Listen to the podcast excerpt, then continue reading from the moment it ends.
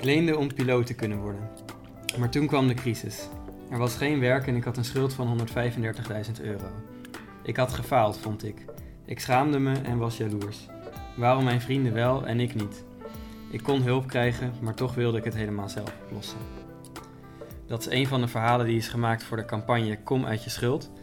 Vandaag hebben we het over waarom dat zo lastig is om weer uit je schulden te komen. En daarvoor drinken we koffie met twee collega's, Franka de Vilder en Menno van Tartweek. Franka en Menno kennen zowel de leven- als de systeemwereld rondom schulden.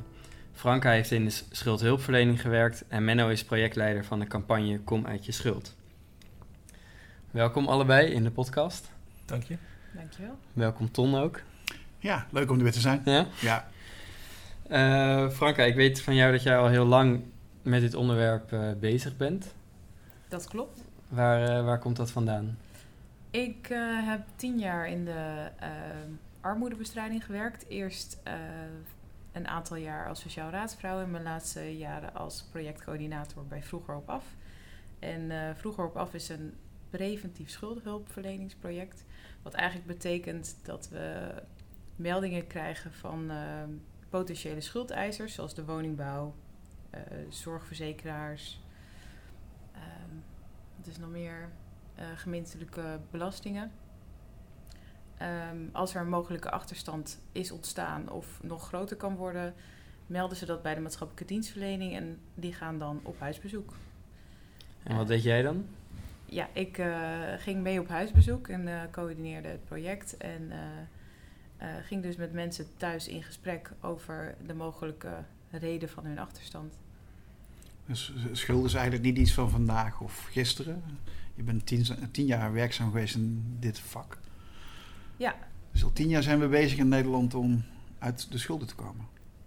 Al langer, denk ik. Volgens langer. mij is schuld een, eh, en het concept en ehm, alles wat daar omheen hangt iets wat eh, al eeuwen bestaat. Eh, op krediet iets afkopen is volgens mij wel, heeft wel een vlucht genomen in de jaren negentig toen al die leningen kwamen. En ik denk dat ook de hulpverlening daaromtrent toen wel een vlucht heeft genomen. Maar dat is natuurlijk wel niet iets van de afgelopen jaar, maar van al heel lang. Ja. En we gaan het zo hebben over wat, eh wat daaraan gedaan wordt en nog, nog gedaan moet worden. Heb, eh, maar heb jij uit die tijd nog een, iets wat je vooral is bijgebleven? Of waarschijnlijk meerdere momenten, maar iets wat, je, wat nu in je opkomt? Ja, ik, ik vind het belangrijkste eigenlijk, eh, en dat is ook de reden van deze campagne, is de taboe-doorbreking. Eh, en het, uh, hetgeen wat me het meest is bijgebleven is dat mensen in schulden zijn ook gewoon mensen. En dat we, we maken uh, in de samenleving heel erg een onderscheid tussen mensen die een uh, schuld hebben die ze kunnen terugbetalen en een schuld hebben die ze niet kunnen terugbetalen. En eigenlijk ook wel een beetje tussen witte mensenschulden en uh, mensen uh, in armoede die schulden maken. En dat is eigenlijk achter, elk, achter elke schuld zit zo'n groot verhaal. En de armoede daaromtrent en hoe mensen daarmee omgaan, zijn vaak verhalen van kracht en niet van zwakte. En ik, ik, zeg maar, ik, wat ik heel mooi vind, is om dat te laten zien. Ja. En dat heb jij zelf dus ook veel gezien? Ja. Menno, heb jij uh, zelf een, een, een, speciale band met dit, dit onderwerp? Of? Ja, zeker wel. Ja, ik kreeg, uh, we kregen als Emma volgens mij de uitvraag van het ministerie van SZW eind vorig jaar, november. En ik nam het zo door. Ik denk, oh jee, heb je de Rijksoverheid die een probleem, waarvan ze zelf ook een grote veroorzaker is, willen gaan oplossen met een communicatieoffensief. Dus ik was het begin wel een beetje huiverig voor die uitvraag. Van ja, wat moeten we hier nu mee en wie heeft hier nou die bergboter op zijn hoofd? Maar goed, dan verdiep je je in die wereld. En langzamerhand werd die systeemwereld waar je het over had steeds duidelijker. En kom je erachter dat het kabinet en staatssecretaris van Arki echt wel werk van wilden maken. Dus um, hier hebben we met, met Emma in een waanzinnig gaaf team een, een, een heel mooi voorstel neergelegd. En uiteindelijk ook uh, als winnaar uit de bus gekomen. Dus, um, maar wat ik er zelf persoonlijk mee heb, ja, ik kom uit Amsterdam-Noord. En Dennis, het rijkste deel van, uh, van Amsterdam zo ongeveer, of toch net niet? Nou ja, nog net niet, denk ik. Um, en wat mij betreft blijft dat ook zo. Hmm. Maar wel de buurman van Dennis en van Carmelita bekend van de serie Schuldig. Dus ja. in mijn omgeving zie je dat uh, niet alleen op straat, maar vooral op het moment, en dat komt mede door die documentaire, achter die voordeur zoveel leed gaat. Waar, ehm, ken, kende jij die mensen al voor, de, voor die docu? Nee, in alle eerlijkheid niet. Nee, ik eh, was natuurlijk wel bekend met de dierenwinkel van Dennis. Ehm, maar ik heb zelf geen huisdieren, dus ook geen aanleiding om mijn boodschappen te doen. Dat is nou weer jammer. Ja, ehm, maar goed, na die documentaire nam inderdaad zijn populariteit toe. En dan zag je ook ineens andere mensen bij hem in de dierenwinkel stappen. Maar of dat nog steeds zo is, dat betwijfel ik. Hm. Dat is wel mooi, want jij zegt van, eh, van, van deel is het een, een wereld van, eh, nou ja, ik geloof dat je het woord zwakte gebruikt. Jij zei, er achter ieder verhaal zit een sterk verhaal. Dus dat, dat, dat is iets wat blijkbaar in schulden heel erg bij elkaar hoort. Eh, in, in de intro, die piloot zegt van, ik voelde me falen. Ja, Eh, terwijl je aan de andere kant, nou ja, je moet ons, ontzettend je best doen. Een schuld zeg maar, stapelt zich heel snel op, denk ik. ja. ja, wat bij mij heel helder is, dat is ook wat we horen van onze schuldenambassadeurs, is dat luisteren naar hun verhaal al Mhm. zoveel doet. En ehm, het feit dat hun ervaring veel berust op van ik word van het kastje naar de muur gestuurd. Ja. Of ik word van de ene instantie naar de andere instantie verwezen. Wat ook echt een onderdeel is van die schuldenindustrie, denk ik. Dat het luisteren naar van wat is je verhaal en wat is de achterliggende reden daarvan voor hun al zoveel doet. In de zin van aandacht, erkenning en het feit dat ik gehoord word. eh voor hen ook de motivatie versterkt om er wat aan te doen. En volgens mij is het ook iets wat jij wel ervaren hebt. Nou ja, en, en daarbovenop gaat het dus heel erg over de intentie waar mensen eh, de hulp bieden. En, en dus heel erg over wel die kracht zien in de ander. Mhm. De ander wel als volledig erkennen. Ja. Wat je ziet is dat vaak op het moment dat iemand eh, faalt in, in de ogen van de maatschappij, wordt hij niet meer als volledig gezien. Mhm. Eh, een van de voorbeelden die een van de ambassadeurs gaf was het moment dat je daar binnenkomt. En iemand vraagt meteen. Eh, waar wil waar jij binnenkomt? eh, bij de schuldhulpverlening, bij hulp. eh, en iemand vraagt meteen: wil jij even een budgetplaatje invullen? En je moet naar een budgetcursus. Dan ga je er per definitie van uit dat ik niet met geld om kan gaan. Ja, dat je niet kan budgetteren. En dit is een meneer die heeft een, eh, eh, twee spelletjeszaken gehad. Dat hij alles is verloren omdat eh, eh, er ook een scheiding bovenop kwam en een, een rechtszaak en nog een keer vervelend beleid van de overheid Mhm. betekent niet dat ik niet kan rekenen of mijn, mijn financiën niet op orde heb. Dus, dus daar zitten zoveel vooringenomen vragen in. Maar überhaupt mensen als volledig zien als ze binnenkomen, volgens mij is dat die kracht. En dat is ook het taboe wat, wat we met deze campagne willen doorbreken. Mensen zijn gewoon volledig. En, en voor mij is het eigenlijk, ik zou deze campagne het liefste zien als een soort van hashtag MeToo voor schulden Mhm. kom er maar voor uit. En, en laat zien dat, dat je daardoor niet faalt. Of dat je daardoor of dat je wel hebt gefaald, maar dat je niet nog steeds falende bent. Want wat dit, dat, nu, nu zeg je het zelf ook, toch falen. En eigenlijk vind je het niet, want je benoemt een aantal factoren, een stapel factoren. Hè? Zeg maar persoonlijke, een persoonlijk levensverhaal. Iemand komt in een scheiding terecht. eh, de zaak gaat even net wat minder goed. Ehm, waar- waar- want, wa- waarom is het dan toch falen? Ja, volgens mij moet je niet onderkennen dat, dat er iets mis is gegaan. Mhm. Dus eh, inderdaad, eh, je faalt op een bepaald moment. Het gaat niet goed. Er gaat iets mis. Ja.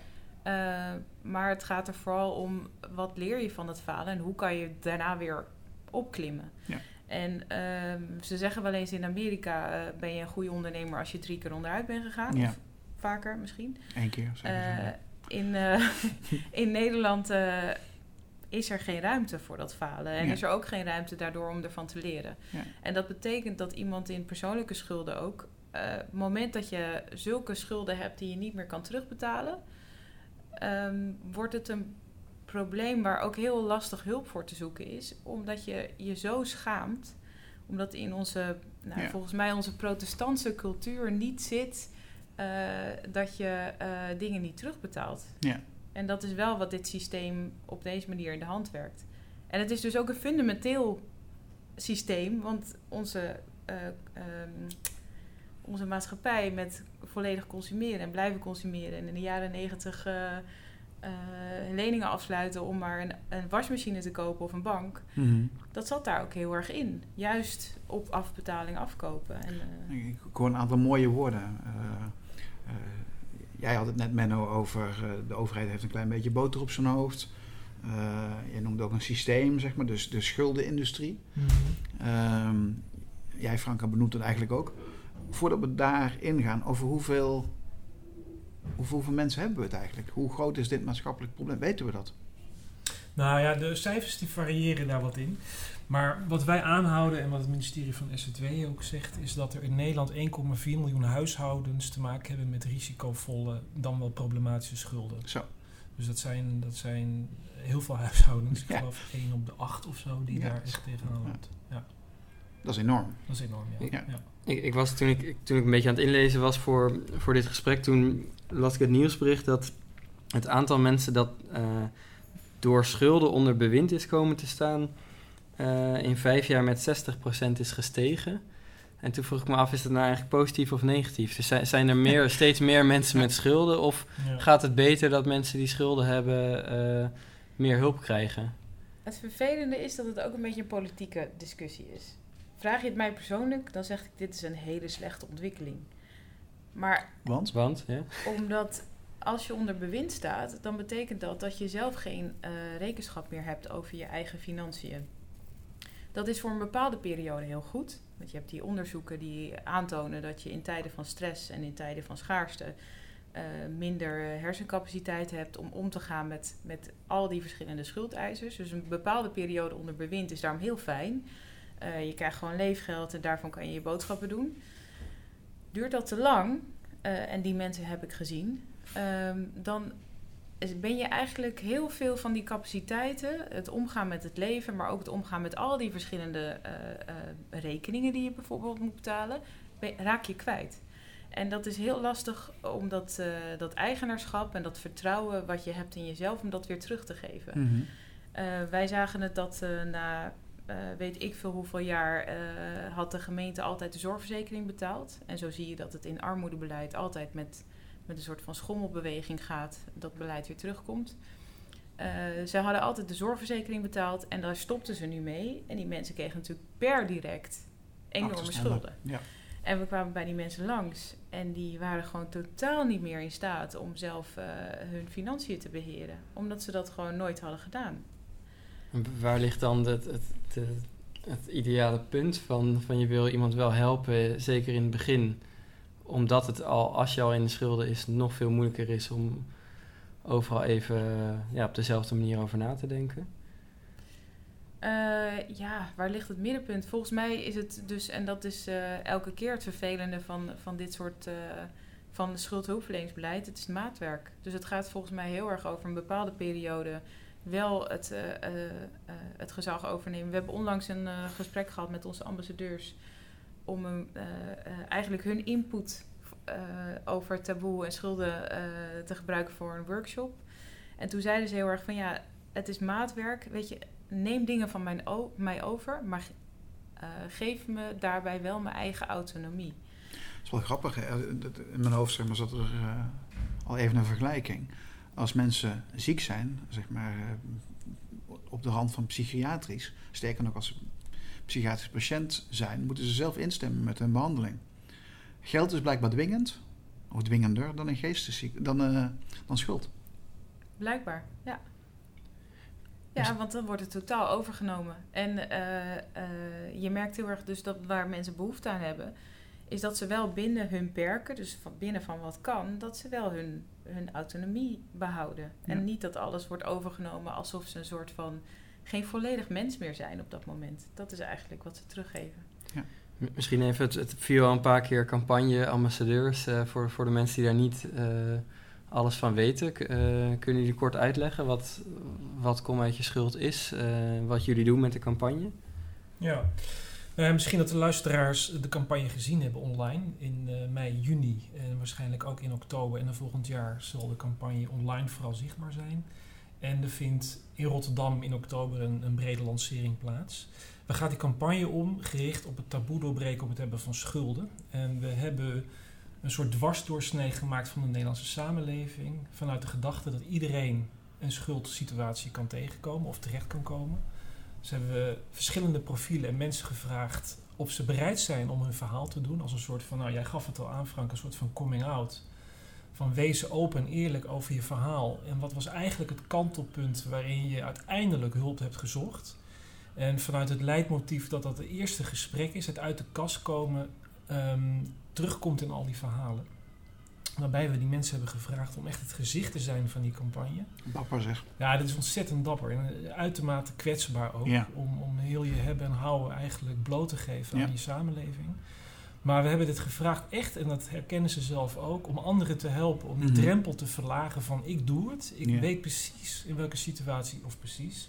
De situatie is van degene die dit leest en ook in die situatie zit of zou kunnen gaan zitten.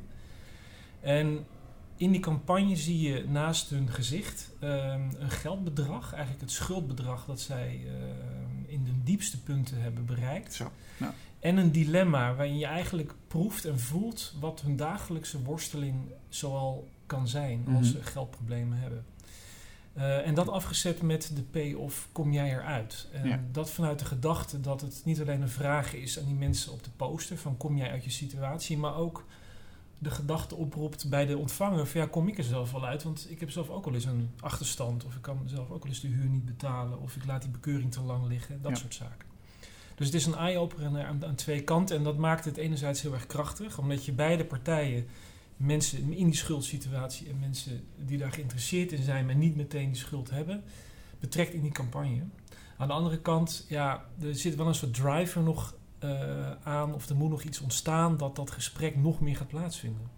En dat is ook de oproep die die schuldenambtenaren, of die schuldenambassadeurs, pardon, ehm, onder andere op 9, 9 september eh, gaan doen en tijdens al die regiobijeenkomsten die we met ze gaan organiseren. Ja, want, want hebben jullie al, al een verhaal gehoord van iemand die de, nou ja, door, de, door de campagne de, eh, het gesprek is aangegaan? Misschien via die ambassadeurs? Of, ja, eh, zeker. zeker. Nou, we hebben natuurlijk een, een, een e-mailadres aangemaakt rondom deze campagne. En daarin sturen mensen echt hun eigen verhaal. Van joh, ik zit ook in die situatie. Ik wil ook, daarom hebben we ook bijvoorbeeld eh, Maurice het verhaal van de, van de piloot. Is op die manier ook bij ons die ik, eh, dat was de intro Ja. die ik voorlas. Ja. Ja.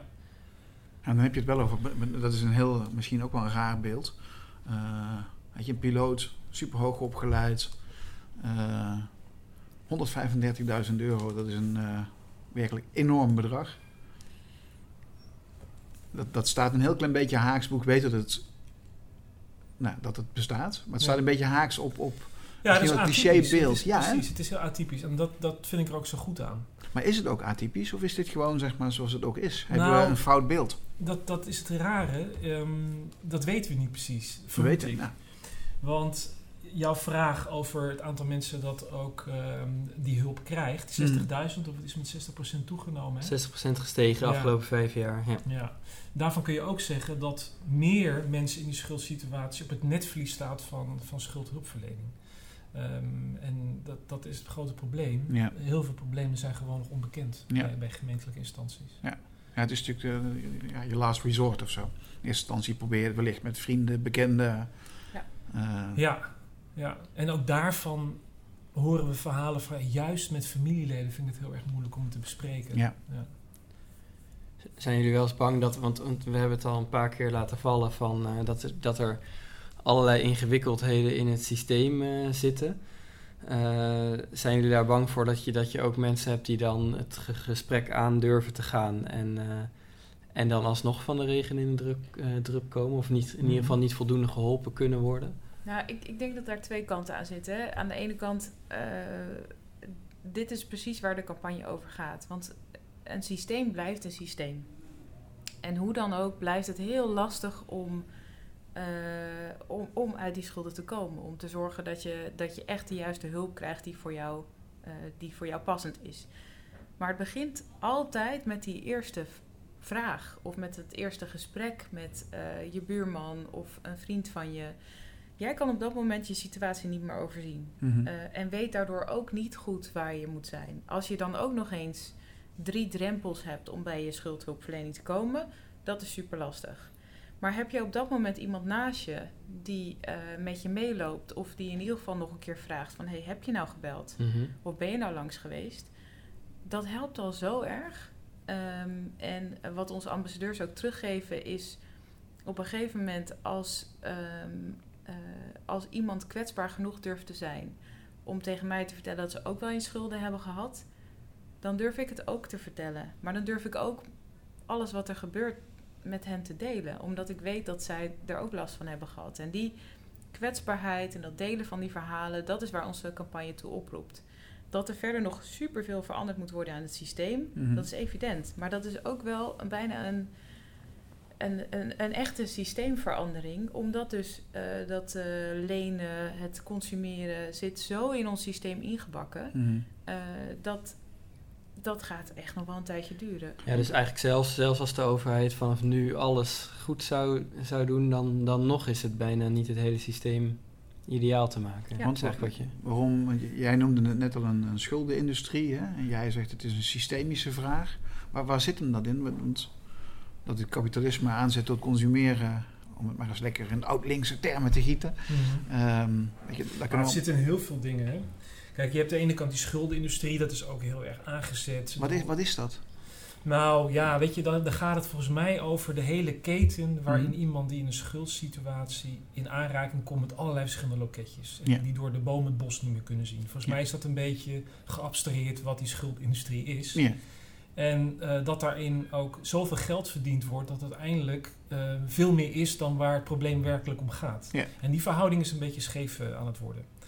En het mooie van het initiatief van Van Ark vind ik dat ook die zijde van die marktpartij deelnemen in die brede aanpak schulden. Ja. Eh, dus dat zit Wat is dat, die grote- brede aanpak? nou ja, daarin zijn eigenlijk ehm, vertegenwoordigers vanuit die Rijksoverheid. Hè? Dus laten we zeggen de zeven grote instanties waar het gaat over uitkeringen, boetes. Dus dat is SVB, CEIB, Ja. Duo, Belastingdienst, grote or- UWV, grote organisaties die hier echt iets in kunnen betekenen. Mhm.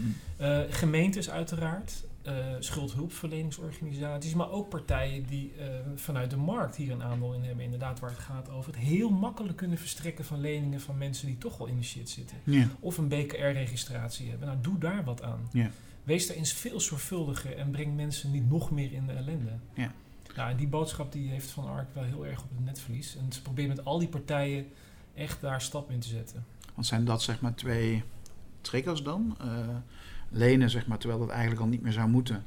Eh, en tegelijkertijd zeg maar, je noemde net een aantal eh, instanties die ik noem maar boetes kunnen opleggen. Eh, van deurwaarders weten we dat dat zeg maar exponentieel stijgt. Ja. Zijn dat de twee kanten van de medaille? Enerzijds maken we lenen heel veel gemakkelijker. Anderzijds, zeg maar, zodra je dan niet afbetaalt, gaat er heel snel. Nou, ik denk dat dat wel hele grote katalysatoren zijn. Ja. Ja.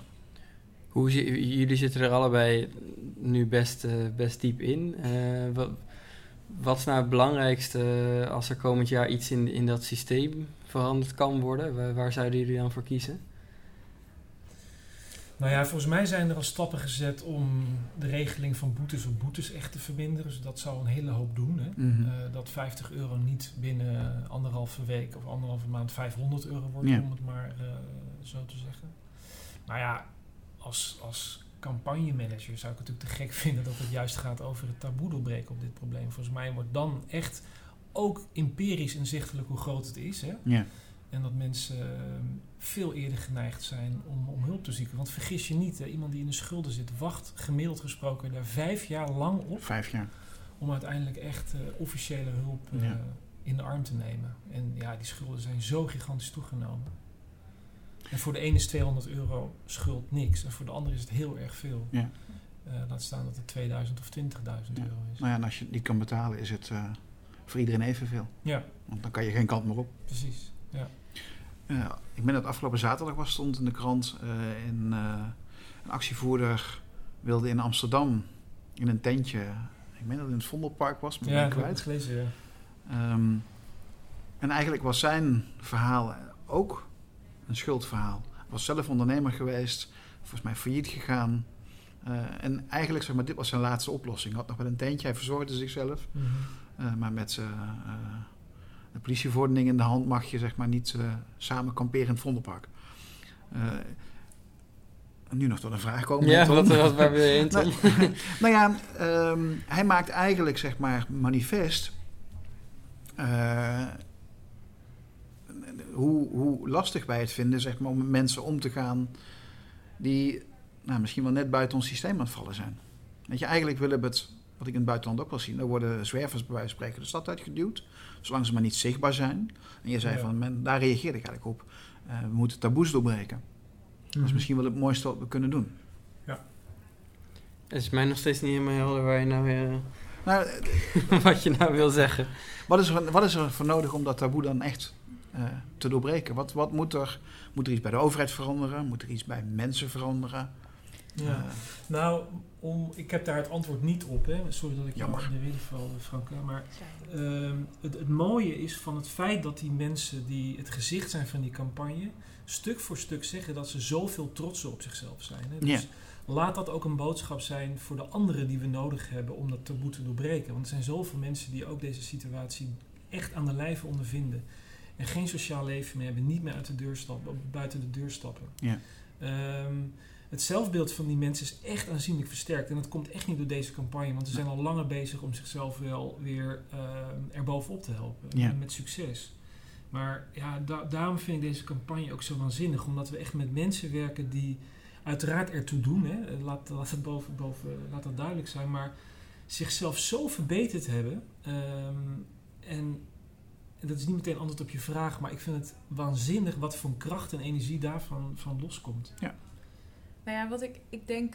eh, als je denkt aan de hashtag MeToo-campagne... mhm. Wat heeft nou echt het taboe doorbroken? Is dat iedereen erover ging praten. Ja. En, en dat vind ik wel... Dat is volgens mij wat er nodig is. Eh, en dat, heeft, dat gaat veel dieper dan dat wij met deze campagne kunnen bereiken. Dat gaat eh, over echt naar jezelf kijken. Want het gaat niet over... eh, en dat is het mooie. Het gaat niet over al die gezinnen in armoede... eh, die hun schulden niet kunnen betalen. Het gaat ook over jou. Wat is je relatie met geld? Mhm. En hoe eh, vind, je, vind je daar iets van? Ik bedoel, ik heb heel veel stagiaires gehad die in hun eerste maanden echt zo'n stigma hadden op de mensen die, die wij spraken. Ja. Die eerst over dat stigma heen moesten van, maar ze hebben wel een tv. Ja. Maar ze hebben wel vijf chihuahuas. Hè? Dus, Ja. dus Het zijn heel kleine hondjes. Eten amper wat. Nou ja, maar dat zijn wel de stigma's en, Ja. de ding, en de dingen waar je zelf overheen moet stappen. Maar ook over wat is jouw relatie tot geld? En wanneer durf jij daarover te praten met mensen? En, en dat is iets heel kwetsbaars. Ah, dus dit, dit, dit roept een herinnering wakker. Eh, dat is een van de eerste eh, eh, systemische onderzoeken ergens de, de tweede helft 19e eeuw. Toen werd er geturfd wat er in huishoudens was. Wat er aanwezig was. Om eh, nou ja, de, sociale klasse, zeg maar, als het ware, te definiëren. Pieter Roy heeft daar heel mooi onderzoek naar gedaan. En dan zie je eigenlijk pre- precies nog, nog steeds deze notie. Toen al. Van als je wel een bezem hebt, maar bij spreken je melk niet kan betalen, heb je een foute keuze gemaakt.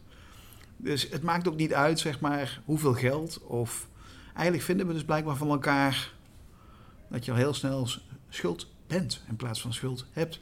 En nog erger, inderdaad, je bent schuldig. Ja, Dus, dus het, ook de, Ja. de, de schaamte ja. hangt daar ook omheen. Om het om bijna het moreel eh, Ja. eh, eh, evalueren van, van wat jij in huis hebt en in hoeverre dat wel of niet goed is. Ja, en ik denk ook dat dat taboes, dat, is, dat, dat, dat ligt natuurlijk heel dicht tegen stereotyperingen aan. Dus het, ik denk ook dat het helpt om te onderkennen van, we hebben dat allemaal. Want ik, ik was dus op de campagnesite van Kom uit je schuld aan het kijken. En ik zag ook, eh, volgens mij zag ik bij één verhaal inderdaad ook veel huisdieren op de foto staan. Of het was in, het was in een stuk dat ik las. En wat dacht En- jij toen? Nou, ik dacht dus ook gelijk van, oh, de- van, eh, van, oh, dat kost ook veel geld. Was wel iets wat ik gelijk dacht. En toen dacht ik daarna ook van, wat een onzin. En eh, weet je, dit is super belangrijk. Dus daar, ja, daar kan je totaal niet over oordelen. Maar dat is wel. Het, het, dit, kan gewoon, dit zijn gewoon een soort van collectieve gedachten die je in een maatschappij kan ontwikkelen. En vervolgens gaat het erom van eh, wat doe je daarmee? En eh, wil je echt eh, een ander op die manier gaan bekijken of niet? En durf je ook naar jezelf te kijken. Met welke keuzes zou ik maken op het moment dat ik nu met dit inkomen wat ik nu heb en alles wat ik nu doe, ehm, zou, welke keuzes zou ik maken op het moment dat ik nu in de ziektewet kom en ik de helft van mijn inkomen heb? Ga ik dan verhuizen? Ga ik dan nog steeds zo vaak uit eten? Of doe ik net alsof ik dat nog kan? Mhm.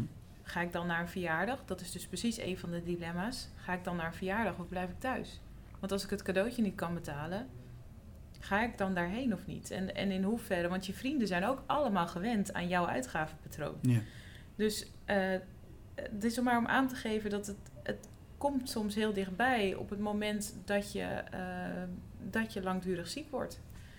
En, ja, en hoe snel kan je überhaupt terugschakelen? Hè? Zeg maar, als, als de huizenmarkt heel courant is en je hebt een eigen huis, dan kan je het kwijtraken.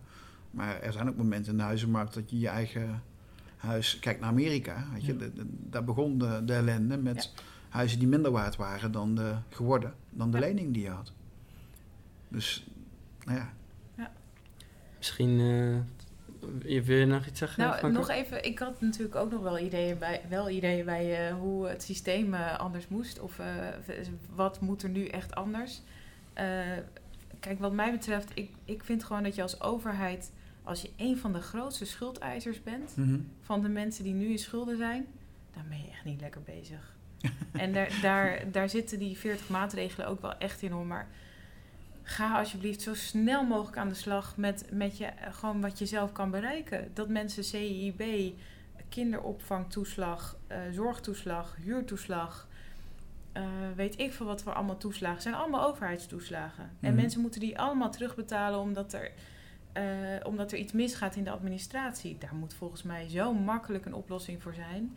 En dat scheelt volgens mij echt zo enorm.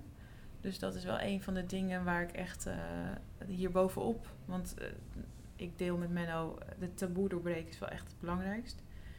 Um, maar waarvan ik denk als overheid kan je daar Ja. wel in je, in je intern wat aan doen. Zeg maar. En dat zijn ook hele concrete aanpassingen volgens mij.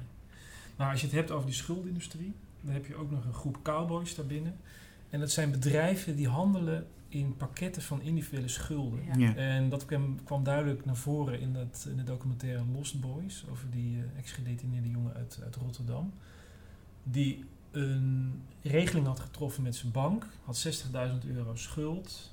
Heeft met die bank afgesproken: Weet je wat, ik leen bij jullie. Zorgen jullie ervoor dat al die schuldeisers netjes worden afbetaald over een afgesproken periode. Nou, zo geschieden. Had een hele leuke baan, nog steeds bij, bij Phoenix, geloof ik, in Rotterdam. En kwam er later achter dat er op een gegeven moment werd, werd er gebeld. hey, uh, hallo, wij zijn die en die. Niet eens een Nederlands bedrijf, maar volgens mij een internationaal bureau. Uh, we moeten nog wat van je ontvangen. Dus werd er weer loonbeslag opgelegd en kon er weer van vooraf aan beginnen. Dus dat is voor mij ook een praktijk waarvan ik het gek vind dat dat gewoon bestaat. Kan, ja. kan. Ja. Maar dat het kabinet zegt van ja, we laten dat nog wel toe als we er maar het kaf van het koren scheiden. Dus Ja. hele loesje bedrijven, die moeten daarvan af. Maar ik vind het zo'n vage industrie. Ik bedoel, het is eigenlijk ook begonnen met, met, uh, met Lehman Brothers. Weet je, dat je ziet Ja. dat er in Amerika hypotheken, slechte hypotheken worden Ja. doorverhandeld. Nou, het is zo incourant. Het is, kan je beter een streep onderzetten en we gaan weer door. Goed, En, geen en financieel specialist. misschien, misschien tot slot, eh, Mooi voorbeeld. wa- wat is jullie eigen ambitie nog met, eh, met de campagne? Van eh, wat jullie de rest van het jaar heel graag nog willen bereiken? Nou, we hebben hele mooie plannen. Zeker in Rotterdam, daar wordt binnenkort meer over bekend. Uh, we gaan natuurlijk... Kan je al een tipje van de sluier? Ja, of, een heel klein tipje van de heel sluier kleintje. is dat we gaan We samenwerken een met een, ehm, met een ehm, mooie toneelgroep in, in Rotterdam. Waarin het ook gaat over dit onderwerp. Uh, we gaan kijken of we daar met hen ook uh, kunnen samenwerken. En dat er een aantal van die uh, spelers het gezicht kunnen gaan worden van die campagne.